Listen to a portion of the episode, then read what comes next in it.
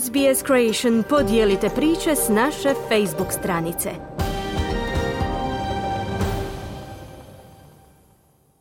Slušate radio SBS na hrvatskom jeziku. Ja sam Mirna Primorac.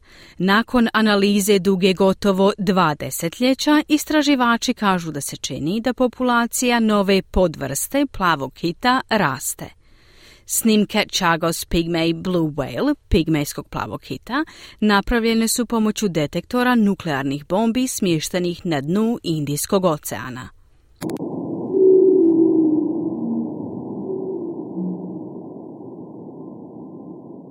Pjesme kitova mogu neke ljude uspavati, ali ti su zvukovi prilično uzbudili istraživače sa sveučilišta Novi Južni Vels. To je zato što su kitovi koji stvaraju glazbu nova populacija patuljeste podvrste plavog kita otkrivene prošle godine. Tracy Rogers je profesorica ekologije na sveučilištu Novi Južni Wales, koja je bila dio tima koji je identificirao ono što je postalo poznato kao pigmejski plavi kit. So the Chagos pygmy blue whales is a new group of blue whales that we didn't realize were there right in the middle of the center of the Indian Ocean. And Plavi kitovi su čudni po tome što oni imaju puno podvrsta, malih skupina. Dakle, kada razmišljamo o plavim kitovima, vjerojatno pomislimo na antarktičke plave kitove, prave plave kitove. Ali postoje i druge podvrste. I ovi, iako se zovu pigmeji, još uvijek su ogromni. Ne biste mogli razlikovati antarktičkog plavog kita od malog plavog kita ako biste ga negdje vidjeli, kazala je Rogers. Plavi kit je najveća životinja na svijetu. Iako je patuljasta podvrsta manja od ostalih članova roda plavog kita, ipak može doseći 24 metra duljine. Ali ono po čemu se Čagos vrsta razlikuje od ostalih je priroda njegove pjesme. Istraživači su po prvi put otkrili kita kada su njegov pjev uhvatili podvodni detektori bombi duboko u Indijskom oceanu. Poznati kao hidrofoni, instrumenti su postavljeni diljem svijeta prema ugovoru Ujedinjenih naroda o sveobuhvatnoj zabrani nuklearnih pokusa, kako bi nadzirali bilo kakve nezakonite pokuse.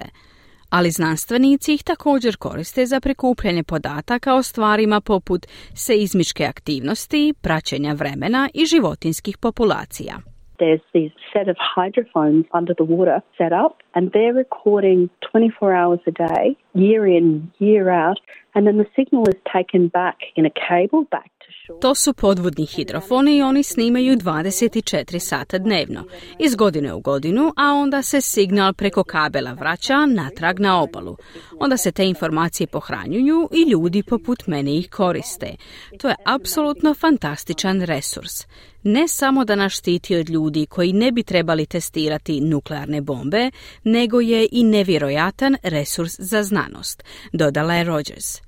Tim je analizirao podatke za 18 godina kako bi razvio sveobuhvatnu sliku o tome kako se populacija malog plavog kita na tom području mijenjala tijekom vremena. Koristili su algoritam za uspoređivanje više od milijun sati kitove pjesme u tom razdoblju. Otkrili su da se učestalost njegove pjesme s vremenom povećava, što sugerira da bi populacija mogla rasti. Glavna autorica istraživanja, Lira Huang, kaže da odgovarajući porast krila na istoj lokaciji čini to mjesto atraktivnim za hranjenje kitova. So we look at both sides at the islands where we have um, we use some acoustic recording of the whale calls to understand their presence and we found that Dakle, gledamo na obje strane. Na otoke gdje smo koristili neke akustične snimke poziva kitova kako bismo razumjeli njihovu prisutnost. I otkrili smo da na jednoj strani, na jugoistočnoj strani, ima više kitova kada ima više hrane. I pronašli smo neke veze između njihove prisutnosti i oceanskih uvjeta, kao što je dipol Indijskog oceana, kazala je Huang. Znanstvenici još uvijek ne znaju koliko čagosovih malih plavih kitova postoji, jer ih niko nikada nije vidio. Ali Tracy Rogers kaže da otkrića ukazuju i na dobre vijesti za jednu od mnogih ugroženih vrsta na svijetu. The blue whales uh, as a species are really significant because they're the largest animals that ever lived, bigger than the dinosaurs, and we thought we'd nearly lost them. That with Plavi kitovi kao vrsta su zaista značajni, jer su najveće životinje koje su ikad živjele. Veće su od dinosaura i mislili smo da smo ih skoro izgubili. Prekomjeran izlov plavih kitova je doveo do ugrožavanja njihove populacije. Tako da sada postoji industrija promatranja kitova. Trenutno se populacija povećala na samo 0,15% populacije u odnosu na onu prije lova na kitove. Dakle, pronašli smo nove skupine kitova, plavih kitova, za koje nismo znali da postoje. Zato je to tako uzbudljivo, dodala je Rogers. Vjeruje se da u svijetu postoji između 10.000 i 25.000 plavih kitova i iako su ugroženi, čini se da je njihova populacija stabilna.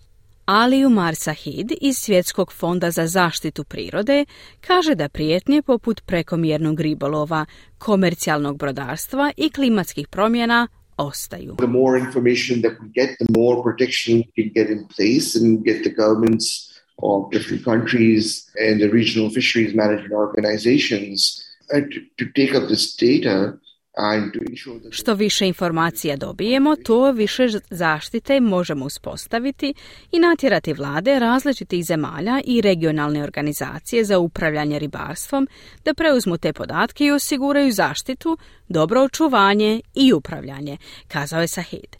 Poznato je da je plave kitove teško proučavati jer su sramežljivi, žive daleko od obale i ne pojavljuju se na površini vode kao njihovi rođaci. I think also pretty cool that know, the same system that keeps the world safe from nuclear bombs allows us to fight new whale populations, which can long term can help us study the health of the marine environment. And without these audio recordings, we Mislim da je također prilično zanimljivo da nam isti sustav koji čuva svijet od nuklearnih bombi omogućuje pronalaženje novih svjetskih populacija, što nam dugoročno može pomoći u proučavanju zdravlja morskog okoliša. I bez ovih audio snimki ne bismo imali pojma da postoji nova populacija plavih kitova u Indijskom oceanu. Na posljedku je kazao Sahed.